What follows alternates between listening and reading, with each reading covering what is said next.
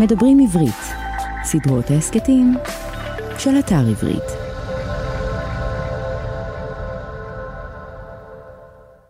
זה הרבה זיכרונות בימי הקורונה והכתיבה, שאני כותב אה, את הספר, אבל אני כל הזמן שואל את עצמי אם יש בכלל משמעות לדבר הזה, לכתיבה הזאת, ולברוא עולם הזה בתוך כאילו הסיוט שאני נמצא בו. אז זה גם מחזיר אותי, זה מחזיר אותי לתקופה של הקורונה באופן, אה, להם יותר קשים שלה בשבילי. הסופר ניר ברעם הוא בנו של חבר הכנסת לשעבר עוזי ברעם, ונכדו של השר לשעבר משה ברעם. אמו רות נפטרה מסרטן כשניר היה בן 19 בלבד. ניר גדל והתחנך בשכונת בית הכרם שבירושלים. לאחר שירותו הצבאי, בגיל 22, הוא טס ללונדון, שם כתב את ספרו הראשון, ספרי לי סיפור אהבה סגול, שפורסם בשנת 1998 בהוצאת זמורה ביטן. לאחר שחזר ארצה, עבר להתגורר בתל אביב והחל ללמוד בחוג לספרות של אוניברסיטת תל אביב. ניר עבד במוסף הספרים של עיתון הארץ, שם פרסם רעיונות אישיים עם סופרים ואנשי רוח מוכרים. עד כה, פרסם שמונה ספרים, ביניהם מחזיר החלומות, אנשים טובים, צל עולם, יקיצה ועוד. ספריו זכו לחשיפה והכרה והיו מועמדים לפרסים רבים. בשנת 2010 הוא זכה בפרס ראש הממשלה לסופרים עבריים. בהשראת ספרו "הארץ שמעבר להרים", יצר ניר סרט דוקומנטרי אשר זיכה אותו בפרס אופיר בקטגוריית הסרט התיעודי הקצר הטוב ביותר לשנת 2018. ברעם הוא גם העורך של סדרת ספרי העיון בהוצאת עם עובד. הספר "העולם הוא שמועה", עליו נעסוק בפרק זה, יצא לאור בשנת 2021 בהוצאת ידיעות ספרים. נשמע ממנו מה הניע אותו לכתוב את הספר. איך השפיעה הקורונה על תהליך כתיבת הספר, אותו הוא התחיל לכתוב לפני שהקורונה נכנסה לחיינו, וסיים כשהיא בשיאה, בימים של ריחוק חברתי ובידודים אינסופיים בזמן שהוא סגור עם נועה צעיר בבית. נשמע מה גרם לו להחזיר לחיים דמויות מספרים קודמים, והאם הוא חושב שהם עוד יחזרו בספרים הבאים שיכתוב. ואיך הוא מצליח לשמור על עצמו לאחר שספר שהוא כותב, ובו הוא שוזר לא מעט פרטים אוטוביוגרפיים רגישים וחשופים, יוצא לאור.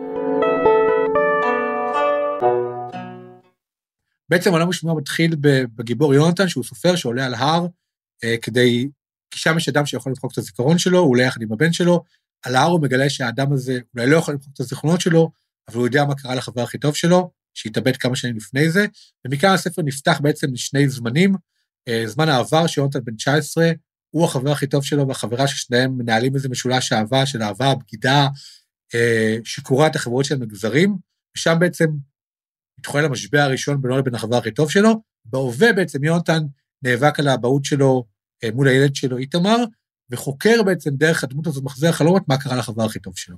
אז ספר שמתרחש בשני זמנים, שהוא ספר ש... אני חושב שהוא עוסק באבהות, בחברות, באהבה, הרבה גם בפחדים ובאשמה, ובסופו של דבר הוא מספר סיפור שהוא גם ריאליסטי ויש בו יסוד אוטוביוגרפי שלי, אבל הוא גם בעצם לוקח הנחת מוצא פנטסטית, שיש אדם כזה שיכול לראות חלומות ולראות זיכרונות של אנשים אחרים, ומשתמש בה.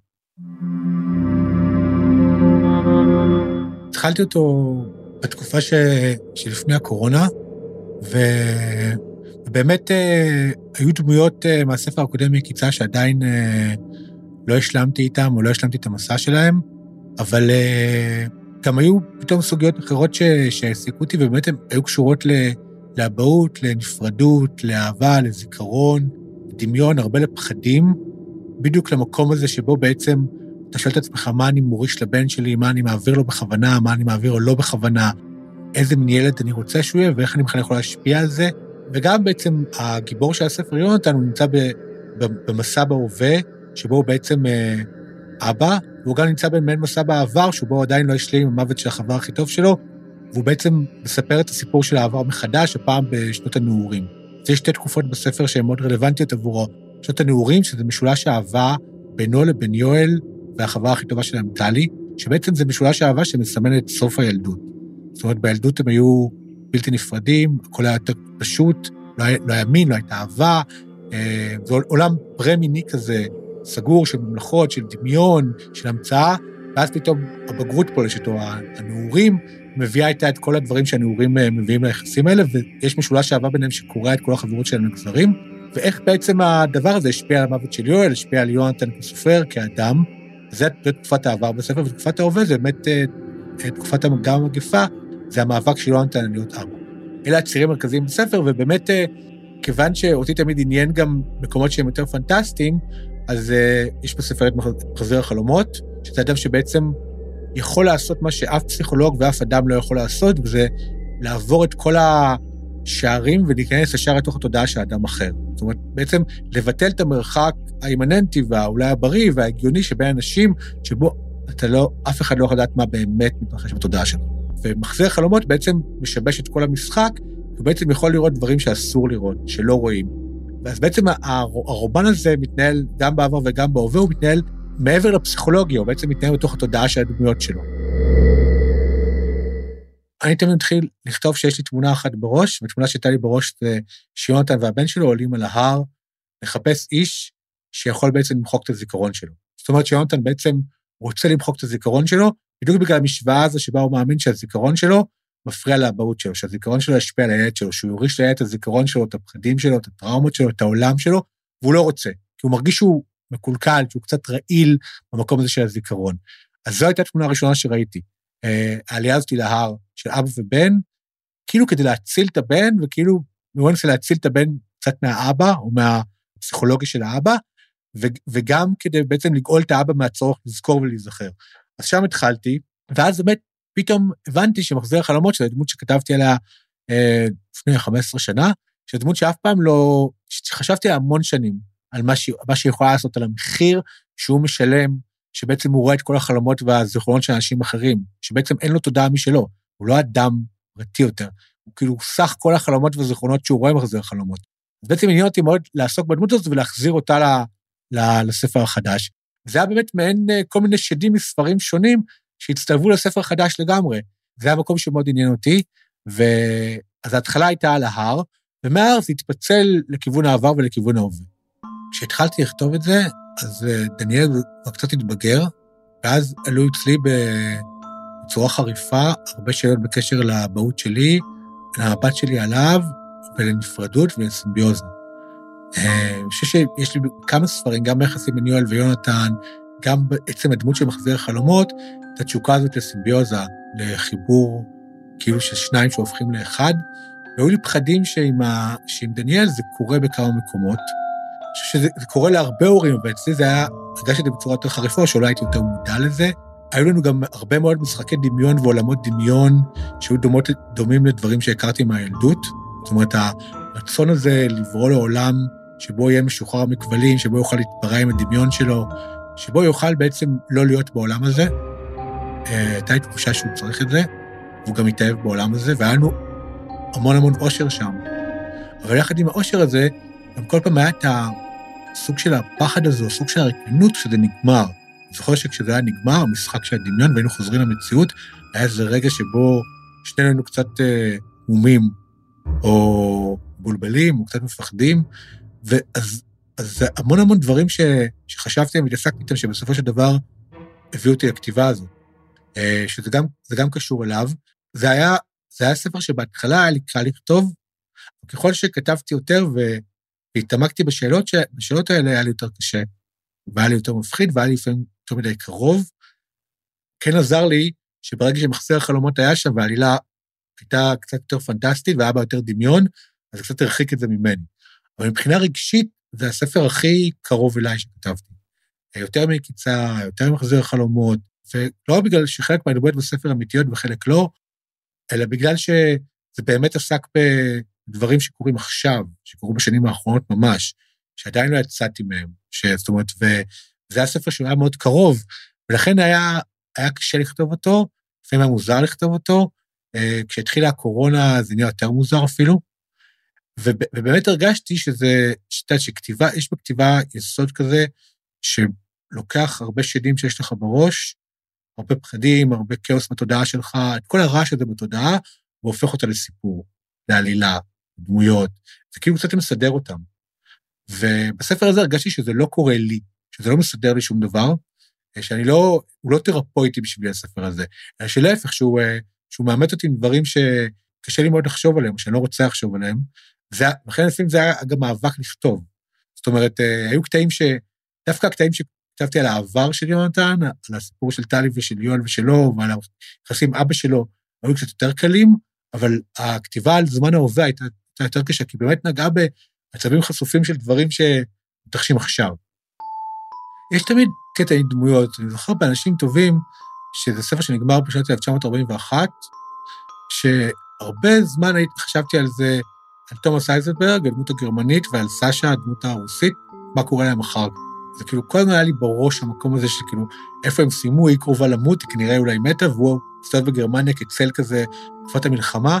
אה, והיו עוד הרבה דמויות בספרים שכתבתי, ש, שמאוד אהבתי, אה, או שמאוד נקשרתי אליהם, או שמאוד עניינו אותי, או הפחידו אותי, או לא הרגשתי שלגמרי מיציתי אותם, או שצריך לחזור אליהם.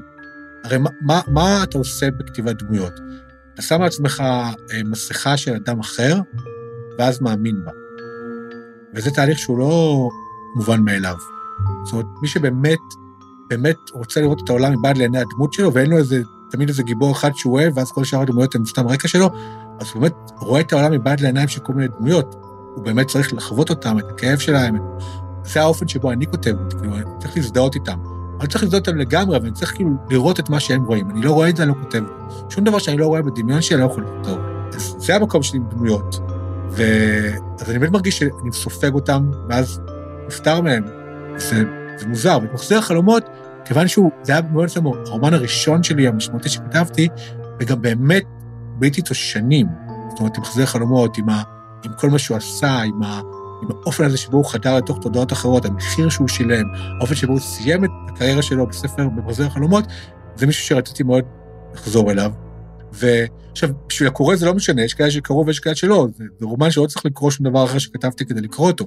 אבל אותי עניין אה, אותי זה עניין משתי בחינות. א', הוא מאפשר לי שוב פעם לעשות את המעבר הזה של מעבר לפסיכולוגיה, של המקום שבו אדם רואה את התודעה של מישהו אחר בצורה חשופה לגמרי, אין הסתרות ואי אפשר להסתיר.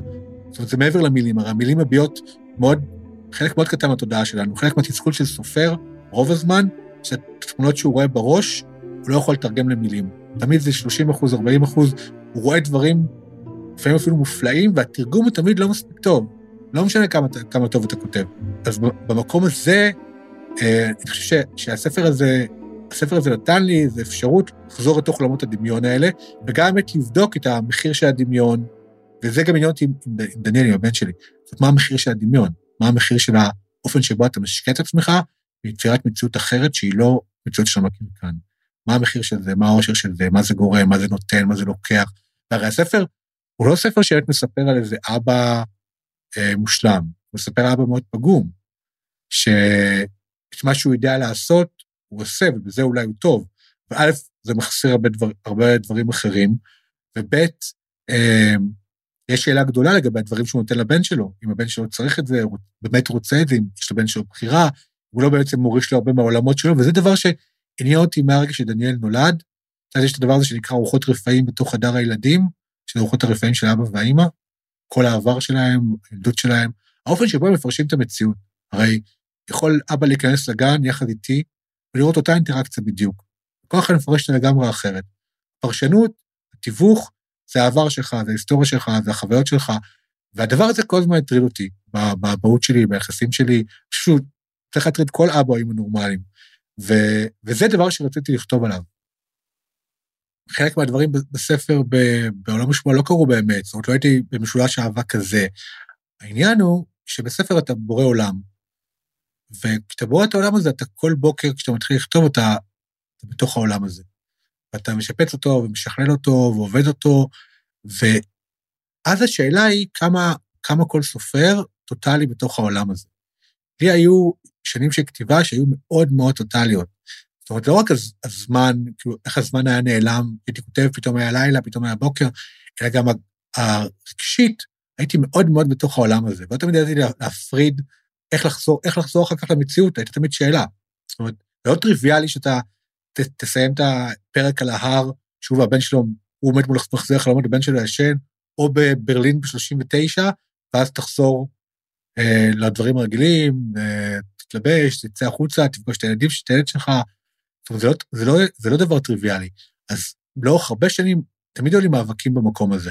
זאת אומרת, אה, והיו גם, היו לי גם תחושות, לפעמים, וגם בספר הזה, של כניסה עמוקה מדי אה, מבחינתי. זאת אומרת שאני יותר מדי בתוך זה, אה, יותר מדי רואה את זה, שוב, אני רואה את זה בדמיון שלי, ואחרי שאני רואה את זה, אני גם לא יכול לגרש את זה, אני לא יכול להעלים את זה, לא נעלם לי כשאני יוצא החוצה. זה, זה כאילו היה רודף אותי קצת, העולם הזה של הספר, כאילו העולם הדמיוני של הספר, הדמויות של הספר, וזה, וזה דבר שהעסיק אותי תמיד, והגיע לשיאו בעולם שמועה, מבחינת האופן שבו העולם הזה בולע אותך, טורף אותך, אה, לפעמים אתה רוצה להתמסר אליו, ולפעמים אתה רוצה לגרש אותו, אבל הוא כבר שם. זאת אומרת, אתה יושב בקולנוע, אתה עושה דברים, אתה כל הזמן אה, שומע ורואה קטעים מהספר, או פתאום יש לך רעיון חדש לגבי הספר, הוא כל הזמן נוכח. וכשדניאל נולד, היה לי גם את הרצון הזה לעשות את ההפרדה הגדולה הזאת בין הכתיבה שלי לבין הזמן שלי עם הילד. וזה גם היה מאבק uh, מאוד קשה, וגם על זה הספר הזה בעצם נכתב.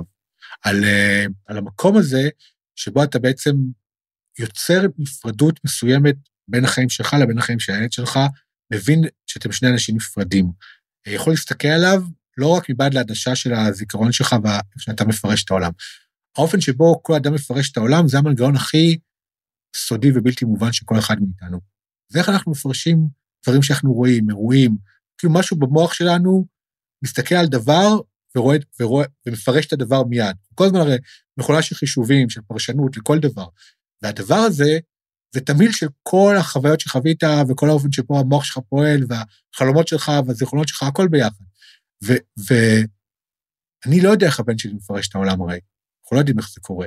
אנחנו רק יכולים להרגיש, אבל גם בהרגשה הזאת תמיד אנחנו מעורבים. והמקום הזה של סימביוז, סימביוזה, ההפרדה, היה דבר שמאוד עניין אותי, וזה חוזר לעבר של הספר, ליחסים שלו עם יואל, שהיו יחסים מאוד סימביוטיים, של שניים שבעצם ברו עולמות ביחד כדי לברוח מהמציאות. והמחיר שהם שילמו לאורך כל החיים שלהם על הדבר הזה. כי תמיד יש מחיר. אין שום דבר בכתיבה, בשימוש הזה בדמיון, שאין לו מחיר בעיניי. אני חושב שהחלום הוא חוויה אה, מאוד לא מובנת, הוא חוויה של בריאה, של המצאה, של דמיון. זאת אומרת, גם אנשים שהם באופן עקרוני, ביום-יום, אנשים, נגיד, שהמחשבות שלהם די משעממות, יש להם חלומות מאוד מפוארים לפעמים, שיש בהם המון כוח של דמיון והמצאה. אם תחשבי על חלומות שלך, חלומות של אנשים, יש בזה המון חיבורים שהחלומות האלה עושים, היצירות שהם יוצרים, הפחדים שהם מעלים, העלילות שהם טובים, יש בהם יסוד מאוד חזק של המצאה. ולכן אני מאוד לא הייתי באפיק של פרשנות חלומות, לא בחסר חלומות ולא בספר הזה. זה להסתכל על החלום כחוויה, חוויה שיש בה המצאה. גם לא הייתי באפיק הקבלי, המיסטי של החלום שהוא, שהוא מבשר משהו, מספר משהו, שהוא נבואה, או שהוא... לא. הייתי במקום הזה שזה יצירה של התודעה שלנו, שאנחנו לא מבינים, לא שמים מספיק לב אליה, שוכחים די מהר. זאת אומרת, גם החלומות שהכי השפיעו לנו, נשכחים בניגוד לזיכרונות. זאת אומרת, אם תחשבי עכשיו כמה חלומות את זוכרת, מכל החיים שלך, אולי לא יותר מעשרה. ויש חלומות שהשפיעו עליך מאוד, אז אותי, המקום הזה של החלום כחוויה, כיצירה, לא כמקום שצריך לפרש אותו ולהגיד, אה, אה, הוא בורח מהכלב כי הוא, כי הוא בעצם מפחד מאח שלו, הוא בורח מהכלב כי הוא מפחד מהכלב. מסתכל היה שהחלום זה הדבר שמאוד עניין אותי המון שנים, גם מחזיר חלומות וגם בספר הזה. עכשיו, בספר הזה יש גם את המקום הזה שבו בעצם מחזיר חלומות יכול בעצם אולי להסביר ליונתן מה קרה לחבר הכי טוב שלו. הוא היה בתודעה שלו. עכשיו, אם קורית טרגדיה כזאת שאתה מאבד את החבר הכי טוב שלך, ואתה לא יודע מה קרה לו באמת, אף פעם לא תדע. זאת אומרת, יש לך השערות, דברים שהוא אמר לך, אבל אתה יודע שהיה משהו שקרה בתודעה שלו, או אפילו אמר לך שמשהו קורה בתודעה שלו, שהוא לא, בעצמו לא מבין. אני זוכר שבעקיצה הוא אומר לו, אם היית נמצא שעה אחת בתודעה שלי, לא היית רוצה לחיות גם. ואז בא מישהו שאומר לך, מגשים את הפנטזיה הכי גדולה שלך, ואולי גם את החרדה הכי גדולה שלך, אומר לך, אני הייתי בתודעה של החבר הזה, אני יכול לספר לך מה הוא ראה. אבל גם זה, אז מצד אחד יש פה סקרות מאוד גדולה, יש פה מין חקירה, אוקיי, אז הייתי בתודעה שלו, בוא תספר לי למה הוא התאבד. אבל גם לזה אין תשובה. אף פעם אין תשובה אחת לשום דבר. זאת אומרת, לכל דבר שאנחנו עושים בחיים, לכל מעשה, לכל פעולה, יש שורה ארוכה של מניעים שאנחנו לאו דווקא מבינים. הספר הזה גם עוסק במקום הזה שבו הוא, הוא רודף אחרי הצל של החבר הכי טוב שלו שהתאבד. הוא מרגיש שהוא מצא פתרון שלאף אחד אחר אין, שיש לו גישה פתאום לתוך התודעה שלו בלי כל התיווך, בלי כל המילים, בלי כל הקשקושים האלה שלא באמת מספרים את הסיפור, אלא ישר לתוך התודעה שלו, אבל גם הגישה הזאת היא מוגבלת. וזה דבר שהוא בעיניי מעניין. וזה, וזה מתח שתמיד עניין אותי בספרים שכתבתי, זה כמה אתה יכול לדעת על מה שמתרחש בתוך התודעה של אדם אחר. זה עניין אותי ככותב שממציא דמויות, זה עניין את הדמויות שלי שחלק גדול מהן מתעסקות בדיוק במקום הזה, בלהבין, לפענח, לפרש, לראות לתוך אנשים אחרים. לאו דווקא מסיבות טובות, כל מיני סיבות, אבל זה תמיד היה הדבר שעניין. כוח שמחזיר חלומות היה תמיד כוח uh, טרגי בשבילו, כי זה תמיד גרם לו אה, לאיבוד תחושת האני.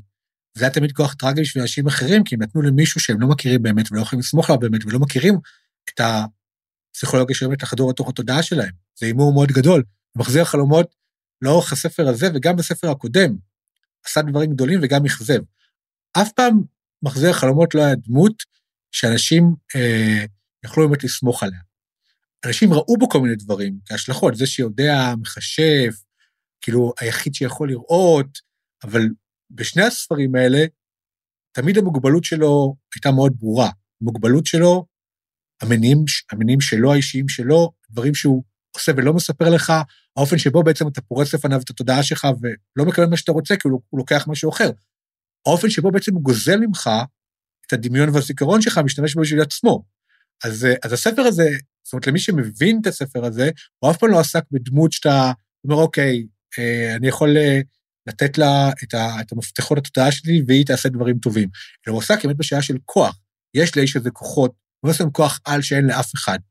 והספר מאוד מפרק את הכוח הזה ולא מתייחס אליו ביראת כבוד ובאיזה הערצה. לא, הוא תמיד פירק את הכוח הזה, גם מחזיר חלומות וגם בספר הזה, שבעצם מחזיר חלומות טוען שהוא פיתח כוח חדש, הוא לא רק רואה חלומות, עכשיו הוא גם יכול להעפיר זיכרונות. ויש שאלה בספר, אם הוא בכלל יכול לעשות את זה. לדעתי לא. לדעתי הוא אף פעם לא יכול להעביר זיכרונות, רק דבר שהוא סיפר ללקוחות שלו, כי הוא חושב שהם ירצו את זה יותר מאשר לראות חלומות. הרי שני סוגי אנשים שמגיעים אליו, אלה שרוצים לראות יותר, ולראות את כל החלומות שלהם בשלמותם, ואלה שרוצים לזכור פחות. זה כאילו שתי פעולות הפוכות. הוא פתאום טוען שהוא יכול לעשות את שניהם, אבל אין שום מקום בספר שאתה רואה שהוא באמת יכול להעביר זיכרונות. אז אני חושב שתמיד הייתה שאלה משמעותית על מחזיר החלומות, אה, בעיקר בספר הזה, שמפקפקת בכל הסיפור שלו. ועכשיו, אני מאוד אוהב ספרים שבהם אתה קורא את הספר דרך שתי היפותזות. נגיד, יש גזר הדין של קפקא, אה, גיאוג מגיע לחדר של אבא שלו, והם מתווכחים אם יש חבר מסן פטרבורג או אין חבר מסן פטרבורג. כל הזמן קפקא נותן עדויות לזה שהאבא צודק והבן צודק.